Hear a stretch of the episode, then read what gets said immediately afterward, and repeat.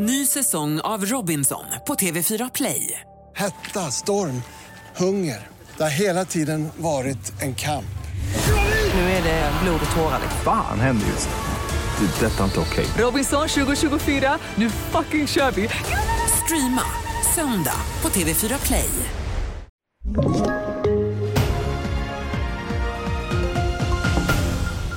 Två till sjukhus efter skottlossning. Facktopp avgår efter larm om sextrakasserier.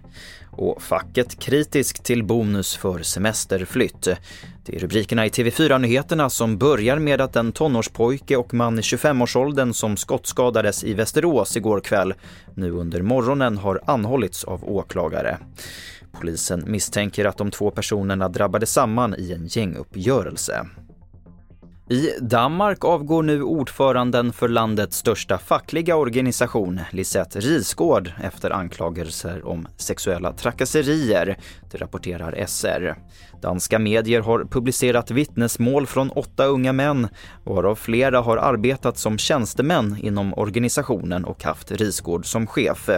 Hon erkände i fredags att hon brutit mot fackets uppförandekod och bad männen om ursäkt, men väljer nu alltså att lämna på grund grund av hårt internt tryck.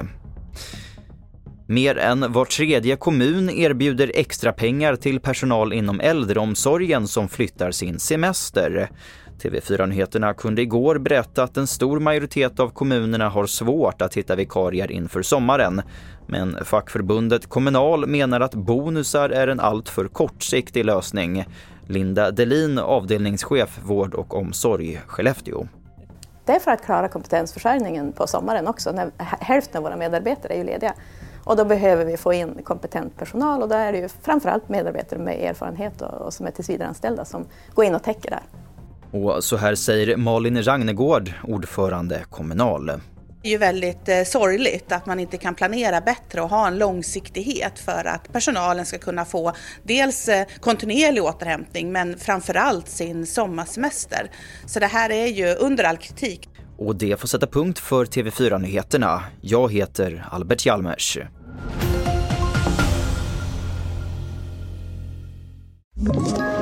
Ett poddtips från Podplay. I fallen jag aldrig glömmer djupdyker Hasse Aro i arbetet bakom några av Sveriges mest uppseendeväckande brottsutredningar. Går vi in med hemlig telefonavlyssning och, och då upplever vi att vi får en total förändring av hans beteende. Vad är det som händer nu? Vem är det som läcker? Och så säger han att jag är kriminell, jag har varit kriminell i hela mitt liv men att mörda ett barn, där går min gräns. Nya säsongen av Fallen jag aldrig glömmer på Podplay.